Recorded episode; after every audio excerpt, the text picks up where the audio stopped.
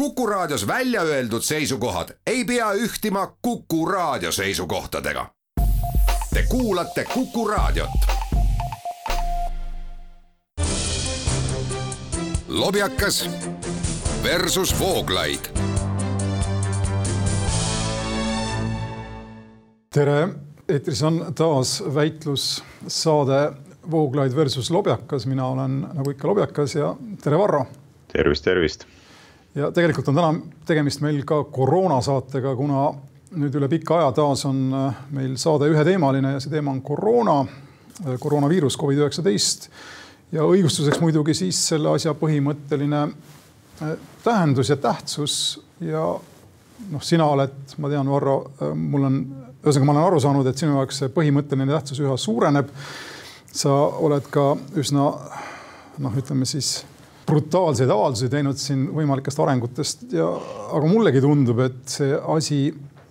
äh, ütleme siis niimoodi, äh, tuleks läbi mõelda ja ma ei näe selle läbimõtlemise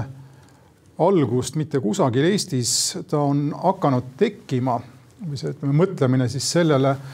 kuidas meie tänased otsused paistaksid välja näiteks viie aasta pärast, kui olukord on enam-vähem sarnane, eks koroona pole kusagile kadunud, kõik me vaktsineerime ennast iga kuue, viie või nelja kuu tagant ja see debatt on siis muidugi viie, viie aasta võrra edasi liikunud, et kuidas me siis nagu hindaksime tänaseid otsuseid, lahendusi ja, ja muud sarnast ning mulle tundub üha rohkem, et me viie aasta pärast peaksime kõike seda üsna no osa, suurt osa sellest tänasest debatist üsna rumalaks ja ka võib-olla teatud reaktsioone ja võib-olla ka teatud meetmeid. igal juhul ma siin selle kogu teema alguseks siis ühesõnaga ma tahaksin ta kogu selle teema struktureerida niimoodi, et me räägiksime kolmes etapis sellest või vähemalt kolmes mingisuguses lõikes. üks on siis küsimus sellest, kes on kõiges selles süüdi. no sellest süüdlase küsimusest siis hargneb nagu enam-vähem kõik ülejäänu. teine teema, mis on mulle silma jäänud Euroopa ajakirjandusest, on vaktsiinide langev tõhusus ehk siis vähemalt Twitteris ja mujal liiguvad täiesti autentsed andmed sellest, kuidas Prantsusmaa ühte või teise haiglasse on mingi perioodi jooksul äh, tulnud haigla, haigeid siis rohkem, tulnud rohkem vaktsineeritud haigeid kui vaktsineerimata haigeid ja mis selle taga võiks olla. ning kolmandaks siis seesama järelduste teema, mis me sellest kõik, kõigest tegema peaksime, millega ma juba alustasin. aga nüüd see süüdlase küsimus, miks ma selle süüdlase küsimusena formuleerin, on lihtsalt üks lugu, mis mulle jäi silma läbi Saksa ajakirjanduse Hollandi suures lehes Volkskrant kus selle riigi ühe suure haigla epidemioloog, kelle nimi mul on hetkel meelest ära, kirjutas arvamusloo, mille põhimõtteliselt järeldus oli selline, et äh, koroona näol on tegemist äärmiselt komplitseeritud epidemioloogilise ja sotsiaalse probleemiga ning äh, ühe süüdlase otsimine ja ka leidmine ei lahenda siin mitte midagi ja mida ta siis tahtis öelda sellega on see, et vaktsineeritud inimeste süüdlas, vaktsineerimata inimeste süüdlaseks tegemine äh, ei vii meid väga kaugele tänasest päevast ja lahenduseks ütles tema äh, epidemioloogi pilguga on siis see, et kui me eeldame, et koroona meiega jääb äh, kaasas käima, siis tuleb valitsusel, Hollandi valitsusel, aga ilmselt ka siis loomulikult teistel valitsustel igal pool hoolitseda selle eest, et oleks olemas ravimahud koroonat põdevate inimeste ravimiseks niimoodi, et ei kannataks muude inimeste korrapärane ja ka korrapäratu ravi. aamen. sellega võikski saate kokku võtta, täiesti nõus, tervemõistuslik seisukoht siia on raske midagi lisada, täpselt nii see ongi. Et ega üleüldse on see ju kuidagi ausalt öeldes mõtlema panev, et me oleme selles küsimuses jõudnud juba nüüd mõnda aega tagasi olukorda, kus hakatakse isegi valitsuse liikmete poolt avalikult näpuga näitama ja süüdlasi otsima, et nagu Tanel Kiik siin on teinud juba nüüd vist korduvalt öelnud et, et kolmkümmend protsenti vaktsineerimata inimesi on süüdi selles olukorras, kuhu me praegu oleme jõudnud, et meditsiinisüsteem ei saa väidetava ülekoormusega hakkama et noh, kui tegelikult üldse süüdlast otsida, siis võiks ju küsida selle, selle, selle käest, kes peaks hoolitsema, et meditsiinisüsteem suudaks ühiskonnas täita seda funktsiooni, milleks ta on ette nähtud. et äh, kui me vaatame, kes on meditsiinisüsteemi eest vastutav isik ultimatiivselt, siis see on Tanel Kiik ise nii et seda silmas pidades muidugi ei ole eriti üllatav, et hakatakse näpuga näitama kellelegi teisele, kuigi tegelikult peaks ise nagu vastutust võtma nende probleemide eest, mis on ühiskonnas kujunenud aga jah, mis süüdlaste otsimisse puutub, siis äh, kujutagem nüüd ette, kui me rakendaksime samasugust mõtlemist kõikides teistes valdkondades, ka meditsiiniga seonduvalt, näiteks hakkame otsima ühiskonnas ka süüdlasi selle eest, kes äh, vastutab selle eest, et tuhanded inimesed igal aastal vähki surevad. kes on süüdi selles? kas äh, selles on süüdi nüüd põllumajandus, põllumehed, eks, kes kasutavad neid mürke põldudel ulatuslikult. on selles süüdis põllumajandusministeerium, kes on heaks kiitnud sellise asja. pikalt võib edasi minna, kes on süüdi selles, et inimesed südamehaigustesse surevad tuhandetes igal aastal. on need, ma ei tea, kas Kalevi kommivabrik näiteks äkki või, või McDonalds või et kes need süüdlased nüüd siis ikkagi on, kes tuleks nagu, kellele peaks näpuga hakkama näitama neid asju arutades, et äh, minule tundub, et selline lähenemine asjadele nagu eriti mõttekas ei ole, aga paistab, et valitsuses on natuke teistsugused arusaamad nendest asjadest. no meil muidugi valitseb või meil on siis valitsuses kehtiv, kui ma õigesti asjadest aru saan, äh, kollektiivse valitsemise printsiip, et ma siin Tanel Kiike väga esile ei tõstaks ega ka ei taandaks muidugi sellest ahelast, aga aga ilmselge on see, et see, mida valitsus otsustab või mida ta ei otsusta, sõltub sellest, millega on nõus või ei ole nõus kõik ministrid või siis vähem sellest, millega on nõus kõik ministrid, osa neist on lihtsalt muidugi etturid, eks. aga sõltub sellest, millega on nõus need erakonnad, kes koalitsiooni moodustavad ja, ja siin on meil olnud päris palju kompromisse. aga see süüdlase küsimus meil selles, äh, selles debatis tundub olevat valitsusele teatud mõttes peale surutud, seda ma küll äh, ma ei tea, kas nüüd, ühesõnaga, kas nüüd rõhutada tahaksin, aga tahaks ära märkida selle, sest et me vaatame nii Reformierakonna kui Keskerakonna sellist loomulikku soodumuslikku suhtumist koroonaprobleemi läbi aja, siis kumbki neist ei ole seda probleemi pidanud oluliselt noh, väga oluliseks, väga akuutseks. erimeetmeid ei ole kumbki erakond väga soosinud ja noh, nad on sattunud surve alla ning see surve küsimus on minu jaoks võib-olla see kõige huvitavam siin, see surve küsimus on selline noh, üks versioon selle sellisest kriisiolukorrast, kus siis avalik arvamus või see, mis näib avaliku arvamusena, hakkab tunduma millenagi, mida ei ole võimalik ignoreerida. ja noh, valitsus ilmselt osaliselt selles positsioonis praegu ongi. ja siin ma ise toon nüüd äh, mängu sellise mõiste nagu solidaarsuskohustus. ma tean, Varro, sulle läks see korda nädala jooksul väga teravalt. selle mõtte või selle sõna, selle väljendi autor on äh, nüüd on see otse-eetri needus, ma tean inimese. lugupeetud riigieetik proua Margit Sutrop Ma,. proua Margit Sutrop, aga e otse-eetri needus, äh, ma tahtsin öelda, on see, et sul ei tule kunagi meelde inimese eesnimi. nüüd väga vabandan mm. nii Margit Sutropi kui paljude teiste minu varasemate ohvrite ees. aga tema ütles siis, et jah, et ühiskonnas peaks olema solidaarsuskohustus, mis tähendab seda, et vaktsineerimata inimesed või inimesed, kes ennast vaktsineerida ei taha, solidaarsusest peaksid teiste, ütleme siis ühiskonna enamusega peaksid ennast vaktsineerida laskma. Ja ma pean ütlema, et ega mullegi see mõte väga ei meeldi, sest et noh, solidaarsus iseenesest ei ole tingimata halb mõiste, eks, kui me räägime siin kaalutletud ja ütleme siis üle aja pikema mastaabilisest solidaarsusest, näiteks kogu, kogu roheline mõtlemine ju lähtub sellest, sellest eeldusest, et, et meie täna peame olema solidaarsed oma järeltulijatega siin paarikümne aasta pärast või isegi paarisaja aasta pärast ja see on selline üle põlvede ulatuv inimsolidaarsus, ma arvan, millega keegi eriti vaielda ei saa ega tahagi, aga kui me räägime solidaarsusest noh, kui mingisugusest hurraa entusiasmi väljendusest ehk siis sellesama avaliku arvamuse surve väljendusest, mida ma just mainisin, siis meil on probleem, sest et see avalik arvamus on teatavasti väga muutlik, eks. Ja siin ma lähen tagasi selle enda jutu äh, alguse juurde, kus ma tahaksin selle, kus ma tahaksin või millega ma ütlesin, et ma tahaksin, et kogu see debatt asetataks vähemalt kolme, nelja, viie aasta perspektiivi.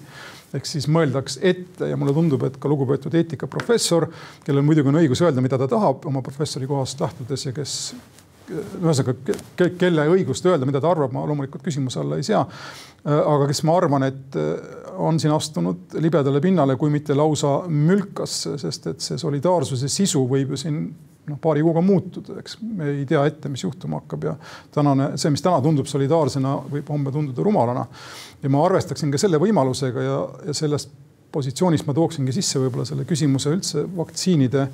selle, sellest, mida me teame vaktsiini tõhususest ja ma ei taha siin öelda seda, et vaktsiin inimesi ei aitaks, ta kahtlemata aitab, ma olen selles täiesti veendunud oma mitteteaduslikult positsioonilt, eks loomulikult ma ei ole teadlane. aga nii palju, kui mina asjast aru saan, vaktsiinist on kasu, aga tal, temast on kasu selle, selleks, et mina vaktsineeritud inimesena tõstan oma võimalusi mitte jääda raskelt haigeks, mitte võib-olla ära surra aga millest vaktsiinist milleks vaktsiinist tingimata kasu ei ole või mida ei osata isegi mulle, ütleme, tõestada, on see, et ma aitaksin vaktsineerimisega teisi, välja arvatud mingisugune üldine printsiip või selline noh, täpsustamata number, eks, et, et vaktsineeritud inimestes see haigus levib vähem. kui me vaatame Lääne-Euroopa ajakirjandust sel nädalal, siis me näeme järjest Saksamaal ja Prantsusmaal artikleid ja küsimusi, mis tulenevad faktist, et vahe proportsioon vaktsineerimata ja vaktsineeritud inimeste vahel, kes satuvad haiglasse, on hakanud vähenema, järsult vähenema. ja teda praktiliselt seda vahet enam ei ole üle kaheksakümne aastaste inimeste hulgas äh, Prantsusmaal ja üle kuuekümne aastaste seas on see, on see vahe ka suhteliselt väike. ta on olemas nooremate inimeste puhul, aga, aga kui see vahe äh, väheneb järjest, eriti vanemate inimeste puhul, siis ei ole ju suurt tähtsust sellel, kas ma ennast vaktsineerin või mitte viiekümne ühe aastasena. see, sellega ma ei kaitse või ei seisa või ei garanteeri, ütleme, ma ei taga sellega seda, et minu seitsmekümne kaheksa aastane ema ei saaks tüsistusi või lausa midagi hullemat ei juhtuks tal, kui mina vaktsineeritud inimesena viin talle haiguse. Ja seda ma ju saan teha, nii et, et ma ei näe, et see vaktsineerimine vastaks pikema perspektiivilisele küsimusele, milleks saab olla ainult see, kuidas me kaitseme inimesi, kes koroona saades on tõsi, koroona saades on tõsises ohus. Ja vaktsineerimisest ju siin ei piisa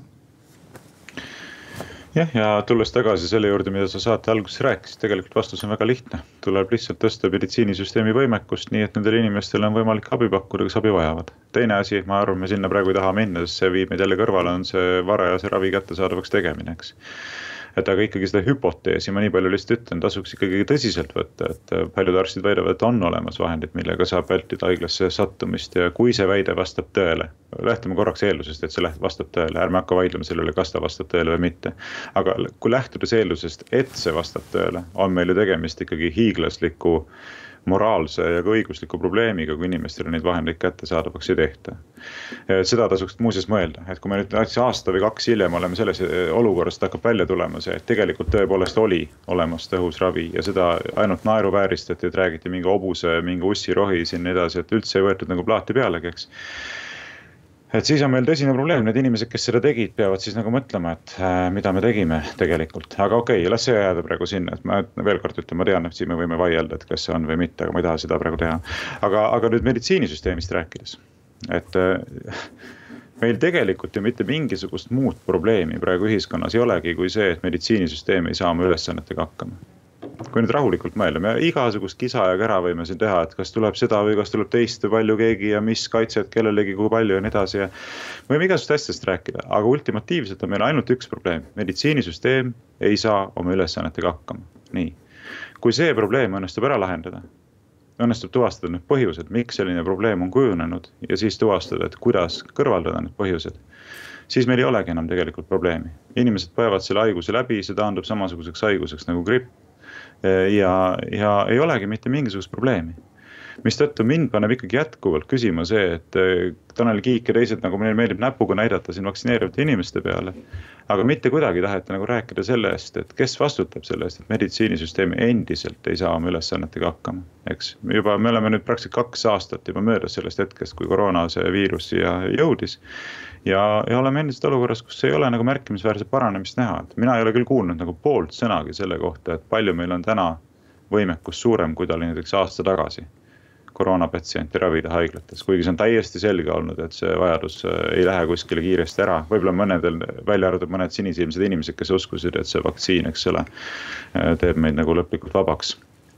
Äh, nagu töö on varem teisi inimesi vabaks teinud. aga mina näiteks praegusel hetkel ka ei tahaks nagu tingimata hakata rääkima sellest, keda süüdistada, vaid pigem räägiks sellest, et äh, mida praegusel hetkel näiteks tehakse, et me aasta aja pärast ei oleks jälle samas olukorras. kas sa oled kuulnud midagi sellest? Ütle täitsa siiralt, et kas sa oled kuulnud ühtegi mingisugust arutelu, artiklit, kus keegi räägib, et esiteks, mis on eesmärk, kus me tahame aasta aja pärast olla meditsiinisüsteemi võimekuse mõttes. ja mida reaalselt tehakse ja kes vastutab selle eest, et need asjad tehtud saaks, ma pole absoluutselt mitte midagi selle kohta kuulnud. ja see paneb mõtlema, et, et ma ei näe, et nagu tegelike probleemi põhjustega tegeletakse. kas see on retooriline küsimus või sa tahad, ma vastan sellele küsimusele? ei, ei, ma küsin täitsa siiralt, et võib-olla mina ei ole kuulnud, aga mina ei ole reaalselt kuulnud mitte ühtegi tõsist arutelu sel teemal. ei, sa ei saagi olla kuulnud ütleme niimoodi veidikene küünilisema inimesena kui sina äh, ja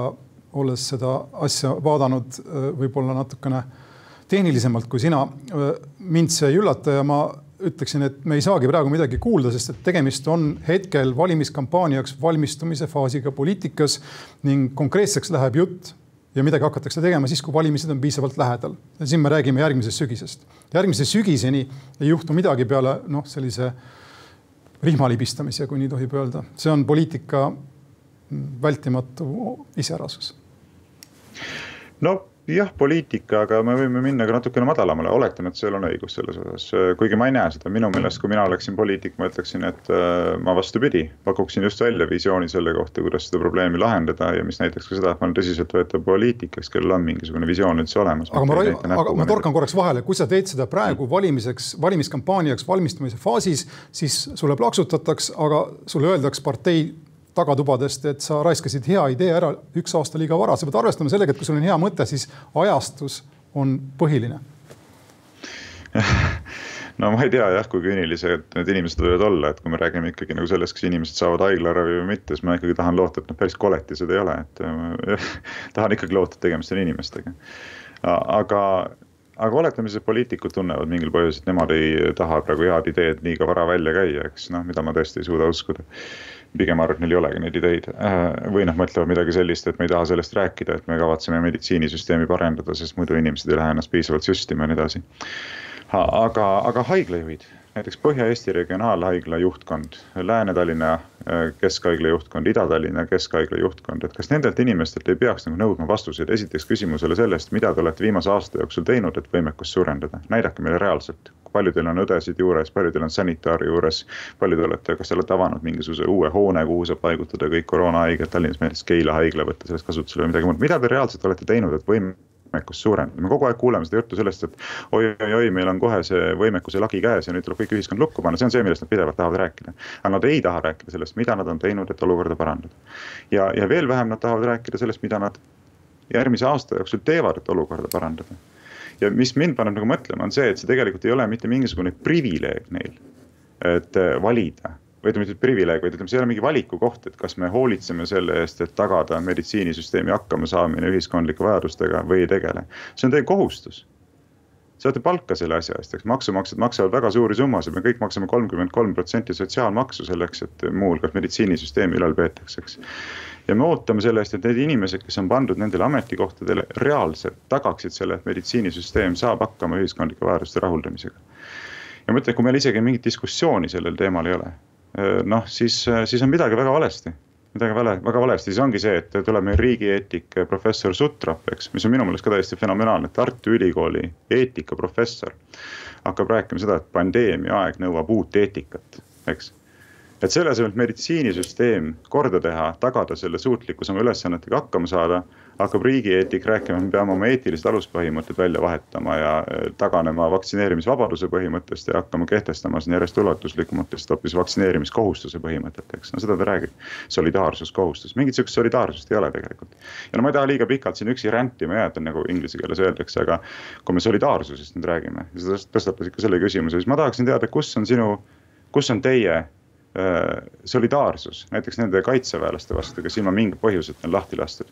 kus on teie solidaarsus nende politseinike suhtes, kes ilma mingi põhjuseta praegu lahti lastakse? Äh, rääkisin ise just, äh, mis see oli, nädalat paar tagasi, ma praegu täpselt ei mäleta. ühe meesterahvaga, kes ütles, tema abikaasa on naine, naispolitseinik siis jah, kolmandat kuud rase ja temale öeldakse samamoodi, sa kas lased need ained endale sisse süstida või sa jääd töökohast ilma. mis sest, et inimene varsti sünnitab lapse, läheb lapsehoolduspuhkusele, on seal ilmselt, ma ei tea, aasta, poolteist, võib kuni kolm aastat olla, eks ole. ja ta ütleb, ma ei taha raseduse ajal süstida neid aineid ega imetamise ajal, et andke mulle vähemalt see võimalus, eks. Öeldakse ei, me ei anna teile mingit võimalust, kui te ei lase praegu kohe endale neid aineid sisse süstida selleks ja selleks kuupäevaks, siis olete, lähete jõuludele vastu töötuna, eks. nüüd ma küsiksin professor Sutropiga teiste käest, kus teie solidaarsus on? Nende inimeste suhtes. et ainuke solidaarsus, mida siis nõutakse, on see, et kõik peavad laskma endast süstida, sõltumata sellest, kas nad seda vajavad või mitte. aga kõik muud põhiseaduslikud printsiibid, õigused, vabadused, millest üles sõidetakse. Eh, seal ei ole mitte mingisugust nagu solidaarsustunnetust, nii et hästi valikuline on see asi ja, ja sellisena muidugi täiesti naeruväärne mina ei tahaks solidaarsusest, ütleme konkreetselt üldse rääkida, aga ma äh, ma olen põhimõtteliselt äh, ütleme siis samal rajal sinuga. Äh, konkreetselt, mida ma tahaksin öelda selle, äh, selle probleemi osas, mida sa just oled kirjeldanud, on see, mida ma olen ka varem öelnud, ma ei saa aru, miks Eestis keelustati või kaotati ära põhimõtteliselt see testimise võimalus kui võrdsel tasandil olev võimalus tõestada, et inimene ei ole nakkav või on kuidagi ohutu, siis võrreldes vaktsineerimise ja läbipõdemisega. Nagu me teame, vaktsineerimine iseenesest ka ei tähenda ju seda, et sa haigust ei või kanda. aga test on siis ainukene tegelik, tegelikult no ütleme lühikeses, lühikesel perioodil tegelik võimalus lühikese, lühikese vahemaa, vahemaa jooksul või lühikese aja jooksul tõestada, et sa ei kanna haigust, eks. ja ma vaatan Saksamaal on nüüd üha rohkem käiku minemas midagi, mida kutsutakse G3, seal on keelest tulenevalt siis need sõnad vaktsineeritud, läbi põdenud ja testitud, kõik algavad G-tähega. ja kui siin oli mingi faas, kus nüüd noh, hetkel käibki faas, kus räägitakse G2-st ehk siis inimesed pääsevad teatud või ütleme, ettevõtted võivad siis otsustada, kas kas võivad mitte lasta inimesi sisse, kes ei ole kas läbi põdenud või kes on vaktsi-, kes, kes pole ennast vaktsineerinud, siis see kolmas G tuleb juurde üha rohkem ja tundub mõistlikuna. ehk siis PCR test, mitte nüüd antikehade test, mis on kiirem ja, ja nii edasi, aga PCR test, mis küll võtab aega, aga vähemalt see võimalus on olemas ja ma arvan, et see võimalus lahendaks ka oluliselt need sinu solidaarsuskaasused ära, kui inimesel oleks võimalik riigi raha eest teha endale see test nii tihti kui vaja, eks. mina siin probleemi ei näeks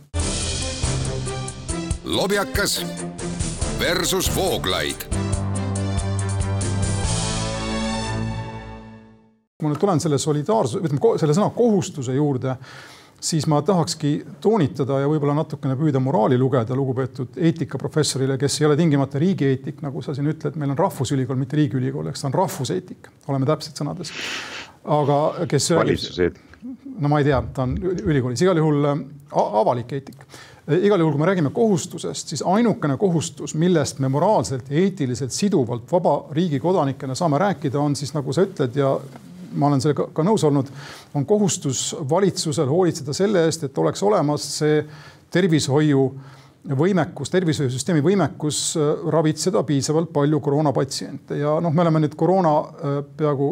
kolmandas aastas varsti, eks koroonaviiruse. ja mingil hetkel tuleb ju see hetk, kus me peame ütlema, et valitsusel on olnud piisavalt aega, vähemalt lühikeses perspektiivis, et selle, selle eest hea seista ja ma arvan, et see hetk selle sügisega või selle talvega on saabunud ja ma vaatan, et noh, kuussada, seitsesada tundub olevat meil see haiglas olevate inimeste maksimumpiir ja seda pole saavutanud ükski laine, aga nüüd tänane laine vaikselt taandub. igal juhul see on see, mille nimel riigil ja kodanikel ja siis riigisüsteemidel on kohustus või saab öelda, et neil on kohustus töötada. küll aga ma tahan selle mündi teise poole korraks õhku visata nimelt lihtsalt öelda, et palkame rohkem meditsiinitöötajaid, kes teevad selle töö ära ja nii edasi, on minu arvates natukene lihtsameelne, kui lugeda seda, mida meditsiinitöötajad ise, kes on nagu eesrindel, ütlevad enda töö kohta nad ei taha ainult tingimata raha ja lühemaid tööpäevi, vaid nad tahavad ka näha, et nende tööl oleks mingi mõte, et see maksaks, et sellest oleks kasu. ja ühiskonnas, kus suur osa inimesi nagu ka sina teatud mõttes noh, eiravad seda, mida meedikud õigeks peavad, on neil ka motivatsiooniprobleem. ja noh, ma ei hakka nüüd sinu ja meedikute vahel siin või ütleme, vaktsiinivastaste ja meedikute vahel siin vahendama, aga ma tahan lihtsalt selle probleemi üles tõsta ja öelda, et see motivatsioon on oluline ja omapoolse väikese konstruktiivse mõttena toon ma siia sisse nüüd eile Guardianis Briti lehes ilmunud äh, artikli, mis viitab ühele suurele, suurele uuringule, uuringule, mis ütleb, et statistiliselt oluline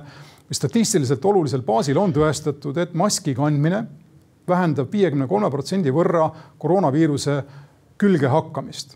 ehk siis inimese nakatumist. viiekümne kolme protsendi võrra, seda uuringut ma tahaks küll näha. nii on kirjas ja kusjuures, äh, kui inimesed ütlevad, et uuringud on igasugused, siis äh, laiapõhjalisi uuringuid tegelikult ei ole, see on vist esimene selline, kui ma õigesti aru saan. igal juhul no viiskümmend kolm või kolmkümmend kolm või kakskümmend kolm, see mind eriti ei huvita, aga millest mina aru ei saa, on see, miks sinusarnased inimesed ja üldiselt vaktsiiniskeptikud ei taha anda enda panust kusagil mujal ja ma ei näe tõesti, et maski kandmine midagi võtaks ära isiku väärikuselt või iseenda üle otsustamise autonoomialt või nii edasi, mis oleks võrreldav vaktsiini süstimisega, sellest ma nagu saan aru teatud tasandil, eks. aga maski kandmine on veidi nagu riiete kandmine, see noh, mingil hetkel ta on uus, aga ta saab omaks ja iseenesest ta on ju lihtsalt näoriie, eks ja ma ei saa aru sellest, miks ei võiks teha kõik inimesed väikese pingutuse selleks, et oleks vähemalt meditsiinitöötajatel tunne, et ühiskond nende panust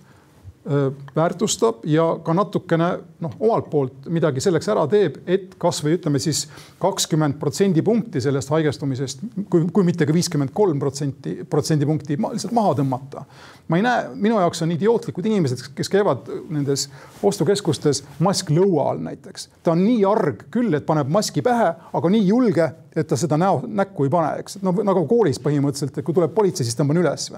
sellistest inimestest ma aru ei saa ja ma ei saa aru ka inimestest, kes lihtsalt maski ei, ei kanna, sest et noh, võrreldes vaktsineerimisega. siin on tegemist mõistliku ja inimese väärikust mitte riivava võimalusega anda oma väike panus nojah, no see on nüüd eraldi pikem teema, et kas hakata nagu maski kandmise põhjendatusest rääkida või mitte, aga või seal põhjendatusest või mittepõhjendatusest. aga noh, mis ma oskan selleks kommentaariks öelda, et esiteks muidugi kõik see, mida sina räägid, lähtub eeldusest, et see tõhusus tõepoolest on selline. Mina oleksin ausalt öeldes üllatunud, kui see isegi kaks protsenti on, rääkimata kahekümne kolmest või viiekümnest, kolmest protsendist, ma olen ikkagi nagu lugenud ka mitmesuguseid allikaid, kus öeldakse, et märkimisväärne erinevus üleüldse puudub. E, e, eriti, eks ole, välitingimustes ja sellistes kohtades, kus mitmetes riikides ka nõutakse selle kandmist, eks. Näiteks ma ei tea mis siin on Austraalias, sa pead absoluutselt igal pool väljas, üksinda, õues, metsas, tänaval joostes, mida iganes tegemas, igal pool kanna maski, no see on absurd, eks, ja, ja mida mina mõtlen, ongi see, et esiteks see eeldus ei ole minu arvates tõestatud, sinna peaks nagu sügavamalt sisse vaatama, veel mitte kuigi ammu Irja Lutsar ja Karmen Joller ja kõik rääkisid, et tervel inimesel ei ole mitte mingisugust mõtet maski kanda, PERH-ist mitmed arstid rääkisid seda on ju, nüüd on kuidagi mingisugune uus plaat peale pandud, öeldakse, et tegelikult ikkagi on nagu hästi vajalik ja, ja noh, lihtsalt see on nagu küsimus, et kuidas need seisukohad siis nii kiiresti muutuvad, et äh, pigem jääb selline mulje, et need maskid on ikkagi mõeldud ennekõike sellise hirmufooni ülevalhoidmiseks. selleks, et kõik näeksid, et meil on ikka hirmus suur probleem kogu aeg, teiseks nad on mõeldud selleks, et inimesi äh, tegelikult alandada. eks, et sa pead kandma mingit lappi oma näo ees, vaata, see on nüüd, see on nüüd see koht ka, kus sa ütlesid, no mis seal siin väga on, et paned lapi näo ette, on ju. aga ma ei tea, minu jaoks vähemalt ja väga paljude teiste inimeste jaoks, ütleme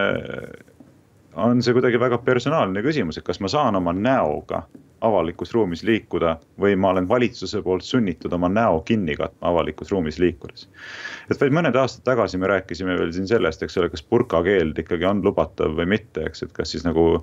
võib inimestel lubada oma nägu avalikus ruumis kinni katta või mida või mitte ja nüüd me räägime sellest, et kas hoopis valitsus võiks kohustada inimesi avalikus ruumis käies oma nägu kinni katma või mitte. Isegi täiesti tervetel inimestel, kes, kellel pole mitte mingisugust põhjust mingit maski ette panna, eks. noh, ma ei tea, nagu minult nõuti, eks ole, ma võiksin praegu sinuga koos seal laua taga istuda tingimusel, et panen maski ette. no mis ma sellest maskist ette panen, ma olen täiesti terve inimene, ma olen läbi põdenud, mul on immuunsus, mul ei ole mitte mingisugust haigust küljes. mida ma kannan seda maski? Ja vaata sellisel juhul, kui sa saad aru, et see nõudmine on ilmselgelt täiesti mõttetu, saad sa ju aru ka sellest, et kui sulle pannakse mõttetu nõudmine ette ja selle mittetäitmise korral ähvardatakse sind sanktsioonidega, siis sind tegelikult alandatakse lihtsalt, eks. Ja seda inimesed ei talu, õige, õigesti teevad, et ei talu, ei tohigi taluda, eks, sest et see on nagu vabade kodanike puhul väga oluline printsiip, et ma olen nõus täitma ainult selliseid nõudeid, millel on ratsionaalne alus, eks ma ei ole nõus täitma mingisuguseid nõudeid, millega ma lihtsalt, et meditsiinitöötajad tunneksid ennast paremini, nähes, et teised ka üritavad ikkagi midagi teha, noh aga noh, sama hästi ma võin mingit punast tuutut pea peal kanda, eks ole, kuhu on kirjutatud, et ma hoolin, eks nad siis ka näevad, et teisedki üritavad midagi teha, et eh, kui te ei põhjenda mulle ära, miks see asi vajalik on, kuidas see reaalselt aitab probleemi lahendada, noh siis, siis see asi on ju lihtsalt naeruväärne. kas sa arvad, et habe ei ole näokate? muuseas, ma mõtlesin selle peale, kui ma natuke pikemaks kasvaksin, siis saaks selle üles väänata, võtta nüüd näo ette et siis see oleks ka multifunktsionaalne asi, tõmbad kummiga kuidagi niimoodi ümber näo ja ongi, näed mask. Aga põhimõtteliselt, ühesõnaga, millele ma lihtsalt viidata tahan, on see, et sa teed siin väga selliseid ütleme siis sõltumuslikke ja pelgalt suvalisi nagu eristusi lapp näo ees ja alandamine, noh, kui sa oled naine, meil oli siin kaasus aastaid tagasi, kus keegi üritas suvel sooja ilmaga käia ilma rinnahoidjate ringi, eks millegipärast seda ei taluta, aga seegi on ju inimese jaoks alandav, kui ta tahab ennast väljendada, juhtub olema naine ja miskil põhjusel traditsioon on meid ära harjutanud mõttega, et naised ei tohi enda rinda paljastada, eks no ma arvan, mida ma üritasin, millele ma üritasin viidata, on see, et küll, küll selle lapiga näo ees ka ära harjutakse, läheb no, paarsada aastat mööda ja ja sinusugused inimesed kiidavad seda kui, kui jumala õnnistust, eks aga noh, see on ju omamoodi kõnekas, pole, kui me räägime sellest, et me tahame elada inimnäolises ühiskonnas, eks kõik me tahame elada inimnäolises ühiskonnas, see on hästi laialt levinud väljend. ja teiselt poolt me nüüd oleme nagu ühiskonnas, kus äh, inimnäolisus minetatakse mitte ainult nagu moraalsel, kultuurilisel ja sellisel äh, sügavamal sotsiaalsel tasandil, vaid ka puhtalt sellisel äh, nähtumuslikul tasandil, et inimesed minetavadki oma näo. See on mitte sõna otseses, see on, see on hingeline inimnäolisus, mitte liiga sõnasõnaliselt ei tule seda võtta, vabandust no, no jaa, aga on, selles mõttes mina nüüd seal olen korduvalt olnud olukorras, kus äh, kus, mis see oli, siin hiljuti käisin, jah, ma ei hakka nimest nimetama, aga hiljuti käisin, äh, viibisin, ühesõnaga viibisin ühes kohas, kus tuli inimene vastu, mask peas, ütles, no tere, Varro. ma ütlesin, et ma ei oskagi nagu vastata, noh, et tere, tere, aga vabandust, et kes te olete üldse, et aga... kuidagi imelik kohmetu tunne tekib, sest sul ei ole nägu mees, et sulle, mina ei tea, kes sa oled, ega ma silmade järgi ei tunne sind ära. aga, aga siis, aga siis tunne ka mulle kaasa või tähendab, ela ka mulle kaasa, mulle näiteks meeldib selline situatsioon, kui ma käin ringi ja mina ei tunne kedagi ära ja mind ei tunta ära, mulle täitsa istub selline, ühesõnaga avalikus sfääris minu privaatsuse ruum suureneb miks mitte? aga on... seda õigust ei ole sult ju mitte keegi mitte kunagi ära võtnud, sa võid ju no, burka kandmisega, burka kandmisega te tahtsite ära võtta selle mitte mult, aga, mitte mult, aga naistelt, eks, aga ei, tegelikult vist selle burka seadustega võetakse ära ka õigus käia mootorrattakiivrites poes ja nii edasi, eks nojah, et ühesõnaga, kes tahab anonüümseks jääda, ega siis keegi ei ole ju selle vastu, et võid maski kanda, kui tahad. võib-olla pangas, eks, kui sa lähed sinna mingisuguse maskiga, kus on need augud sees, siis öeldakse sulle, et see ei ole teretulnud. Aga põhimõtteliselt me räägime ikkagi teistpidisest olukorrast, kus kogu ühiskonnale surutakse seda peale ja, ja isegi lastele, eks, koolides igal pool, et kuigi. aga see, ma, ma pean ütlema kaks sõna selle ratsionaalse aluse kohta, millele sa viitasid. no me võime vaielda siin, kas sa pead usaldama Guardianis avaldatud teadusartiklitele viitavaid lugusid või mitte, eks. mulle tundub, et noh, sa võiksid, aga, aga ma tulen tagasi ühe enda väite juurde, mis on Eestis ära tõestatud ja mida, mida ma arvan, et võiks, peaks arvestama ratsionaalselt, see on siis see fakt, et eelmisel talvel valitsus seadis endale eesmärgiks vähendada nakkuskordajat R, mis meil oli üks, üks koma kakskümmend viis siin kusagil eelmise, selle aasta alguses, eelmise aasta lõpus. maski kandmiskeeld tuli ja see R kukkus minu arvates, minu arusaamist mööda täie, täielikus korrelatsioonis selle, selle maski kandmiskeeluga kukkus enam-vähem kakskümmend seda R-i punkti ehk siis kakskümmend protsendipunkti. nii et, et kahekümnest protsendist rääkides on meil olemas lausa Eestis noh, oma tõestus maski kandmise kasulikkusele? no seda on ju väga lihtne teha, et sa vaata ära, millal hakkab kõver kukkuma, siis kehtesta mingisugune äh, piirang. Äh, asjad juba lähevad ettenähtavas suunas, numbrid kukuvadki, pärast ütled, näed, jumal tänatud, et me selle piirangu kehtestasime, et nüüd asjad äh, läksid paremuse poole. aga noh, ikka jälle peab ütlema, see, et mingi asi juhtub pärast midagi, ei tähenda, et see juhtus selle asja pärast, eks. kui sõnade mängu kasutada siin selle asja tõttu, võib-olla on selgem öelda ja sama on sellega, et ega äh, mitte kuidagi ei ole ju tõendatud, et seal mingisugunegi põhjuslik seos on. et ma just täna hommikul vaatasin, keegi jagas siin ühte graafikut, kuhu on märgitud näiteks Austrias nakatumisjuhtumite äh, arvud. ja siis on märgitud sinna graafikule ka need kohad, kus on kehtestatud maskikohustused, eks. et äh, mis siin on, näen, et jah, ma nii kiiresti ei suuda seda lugeda, aga, aga natuke aega tagasi kehtestati Austrias maski kandmise kohustus, kui hakkasid nakatumised tõusma ja pärast seda natukene läks aega mööda, nädalakene ja siis toimus plahvatuslik kasv ülespoole. noh, mis me nüüd võime öelda, et kas siis sellepärast, et kehtestati maski kandmise kohustus, on nüüd koroonaviiruse levik plahvatuslikult kasvanud? fakt on see,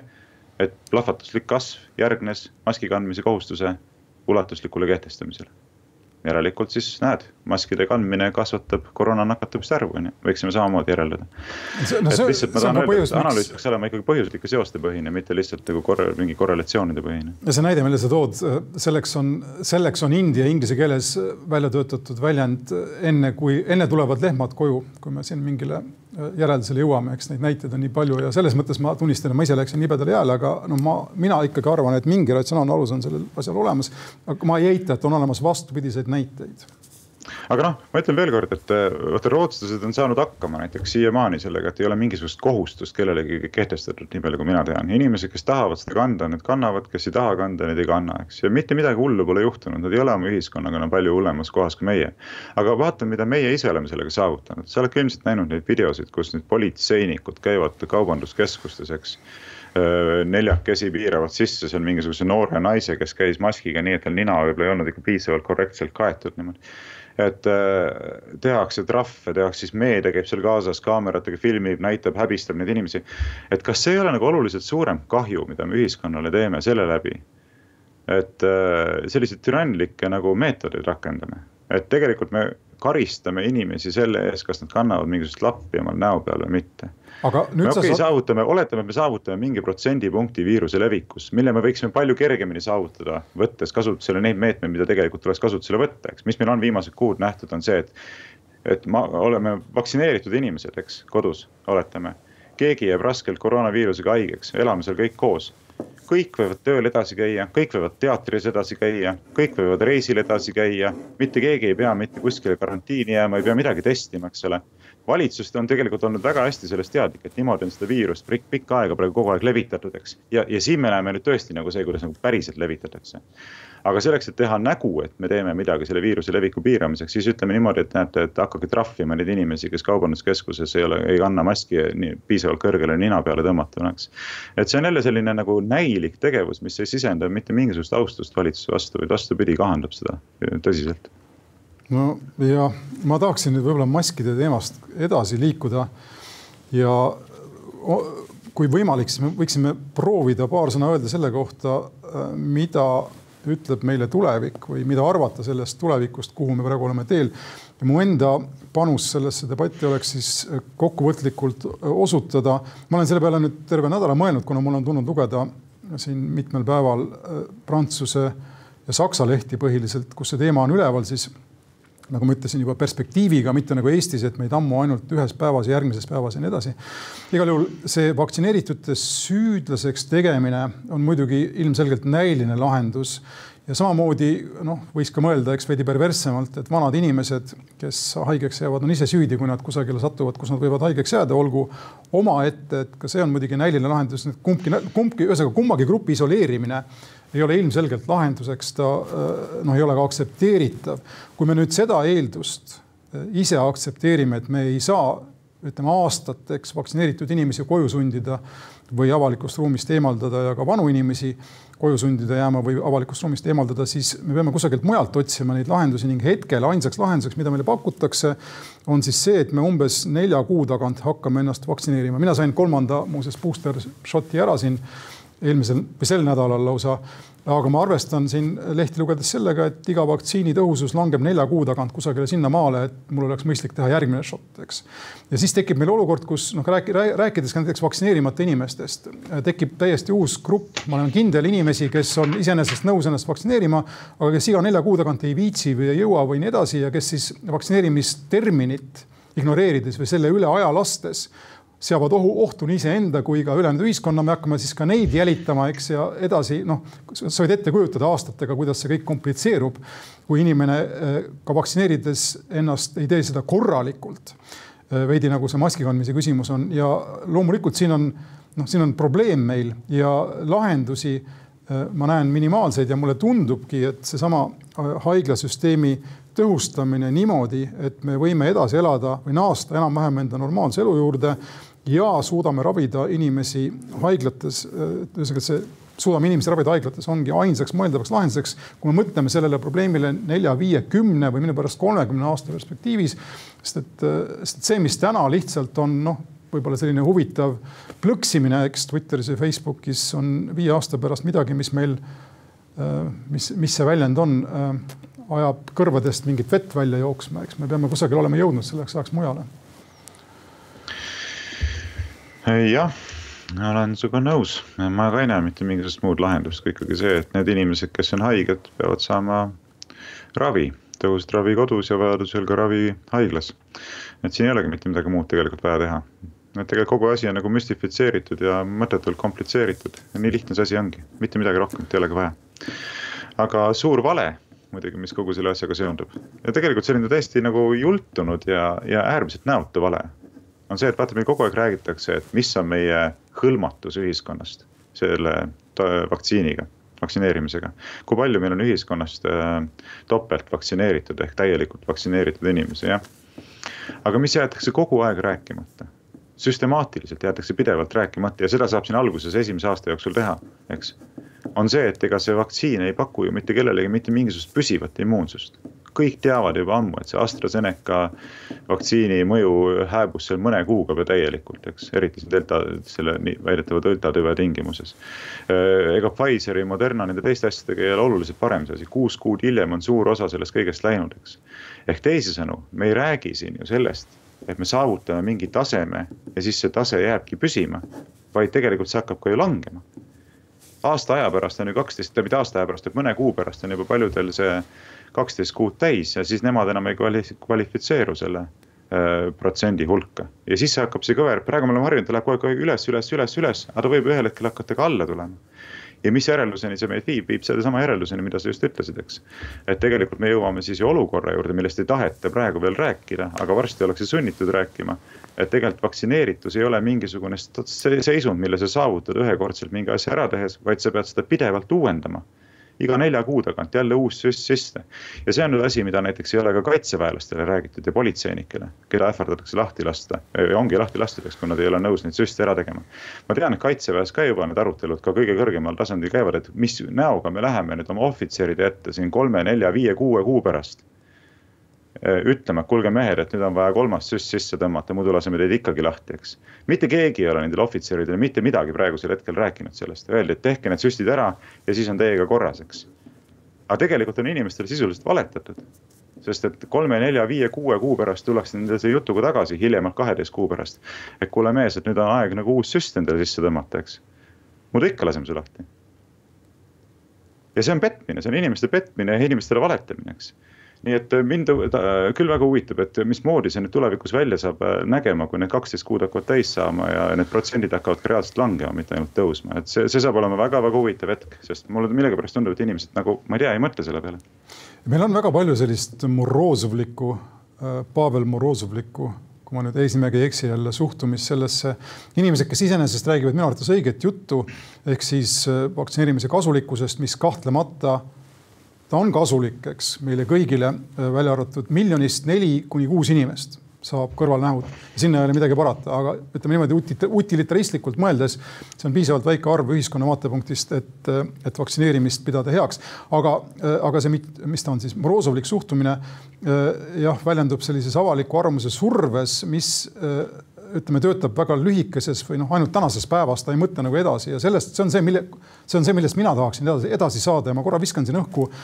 numbreid, et osutada, kui keeruline see debatt või see olukord tegelikult on. Saksamaal on äh, tegemist praegu noh, eriolukorra tulemisega kõige kõrgemad numbrid, nakatusnumbrid üldse läbi ajaloo. kuuskümmend viis tuhat oli siin eilse päeva jooksul neid nakatunuid. kevadel, kui oli eelmine laine ja asja peeti väga hulluks, oli nakatumisi vist napilt üle kolmekümne tuhande päevas, see on kahekordistunud ja Saksamaal siis noh, tulevad nüüd meetmed igasugused, eks äh, vaktsineerituse aste on seal, tase on kuuskümmend seitse protsenti inimestest on topelt vaktsineeritud. Äh, Eestis on see, kui ma ei eksi, viiskümmend seitse protsenti, eks. ja, ja asi on noh, hull, ühesõnaga, et ja kusjuures Saksamaa tase on seitsme, seitsme päeva, seitsmepäevane nakatumistase saja tuhande inimese kohta on, on vist ei ole, ei, ei kujuta endast isegi poolt meie omast Prantsusmaal seitsekümmend viis protsenti topeltvaktsineerituse tase, kõik on suhteliselt kontrolli all, nakatumise tase on sada viiskümmend või midagi sarnast, mis on suhteliselt madal. samas Hollandis ka seitsekümmend viis protsenti või sinnakanti, Taanis seitsekümmend viis protsenti või isegi kõrgem on vaktsineerituse tase ja seal on eriolukorrad. ühesõnaga ka ühiskonna vaktsineerimine vähemalt ütleme siis, me teame juba täna seitsekümne viie protsendini ei anna meile olulist tulemust mis on see protsent, millest alates oluline tulemus tekib, on see küsimus ja mul on tunne, et seda ei tea keegi ning sellest ei taheta suurt ka midagi rääkida. see kõik rikuks muidugi seda suurt eesmärki inimesi vaktsineerida, mis ma ütlen, on õige mõte iseenesest, aga me ei saavuta, ütleme niimoodi, et see kõik lõpeb halvasti, kui me äh, väikestele valedele mingisuguse suure hea äh, ehitama, eks seda ei tohiks teha ja no ma lihtsalt enda jutu lõpetuseks ütlen seda, et loomulikult üks, üks mündi külg on see tervise, tervishoiusüsteemi tõhustamine või siis võimestamine niimoodi, et nad, et, et see saaks hakkama koroona, koroonapatsientidega, aga teine mündi pool, mille ma tahan, millele ma tahan ka kriipsu nii-öelda alla tõmmata või mida rõhutada, on see, et lõppkokkuvõttes on ainult üks viis, kuidas me saame teada seda, kas me täna siin ja praegu oleme koroonaviiruse kandjad või mitte. ning see ei ole see, kas me oleme vaktsineeritud või mitte, see ei ole see, kas me oleme, kas me oleme haiguse läbi põdenud või mitte, isegi sorry, Varro, vaid see on see, kas PCR test ütleb meile, et me oleme vaktsine-, et me oleme nii-öelda safe või turvalised või ei ole. ja kuidagi tuleb leida nüüd võimalus need testid teha nii igapäevaseks, tavaliseks ja lihtsaks kui vähegi võimalik, sest et ainult nende abil on võimalik reaalajas kontrollida viiruse äh, levikut inimestes, kes kusagil on või ei ole no iseenesest see on tõsi, et nende testide ärakaotamine nakkusohutustõendina oli nagu hiiglaslik sigadus valitsuse poolt, et sellel ei ole mitte mingisugust ratsionaalset alust ja see on ainult inimeste kiusamiseks tehtud samm, eks. ja nende vaktsineerima survestamiseks ja sundimiseks mõeldud samm, sellel ei ole mitte mingisugust mõistuslikku alust, et ainuüksi sellise sammu pärast peaks peaminister kohe tagasi astuma, see on lihtsalt sigadus, nii ei tohiks käia. Inimväärikust austavas ühiskonnas asjad. aga tegelikult on asi palju hullem, kogu see vaktsiinipassi süsteem kui selline on tegelikult täielik sigadus, seda ei tohiks olla, vaatasin siin viimastel päevadel videot sellest, kuidas politseinikud lähevad kümnekesi Elvis Braueri kohvikusse, sinna üritavad teda maha väänata niimoodi. kõike seda ei peaks üldse olema, see on vale, selliseid piiranguid ei oleks mitte kunagi tohtinud kehtestada, et tubli noor kohvikupidaja, kes pakub teistele inimestele tööd, ei ole mitte kellelegi mitte midagi halba teinud, ta lihtsalt tahab oma kohvikut pidada ilma diskrimineerimata, ilma jätmata pooli oma terveid sõpru ukse taha ja lubama mingisuguseid teisi inimesi sisse. ta ei ole mitte kellelegi mitte midagi kurja teinud ainuke, kes on kurja teinud, on, on valitsus, kes on kehtestanud sellised täiesti mõistusvastased piirangud, mida nüüd politsei on sunnitud jõustama, eks kõik saavad aru, et see on täiesti mõistusevastane, terved inimesed viibivad kohvikus ja teevad oma väikest asja ja mitte kedagi ei ohusta. ja mida ma öelda tahan lihtsalt on see, et neid asju, mille pärast valitsus peaks ammu juba olema tagasi astunud, on väga palju.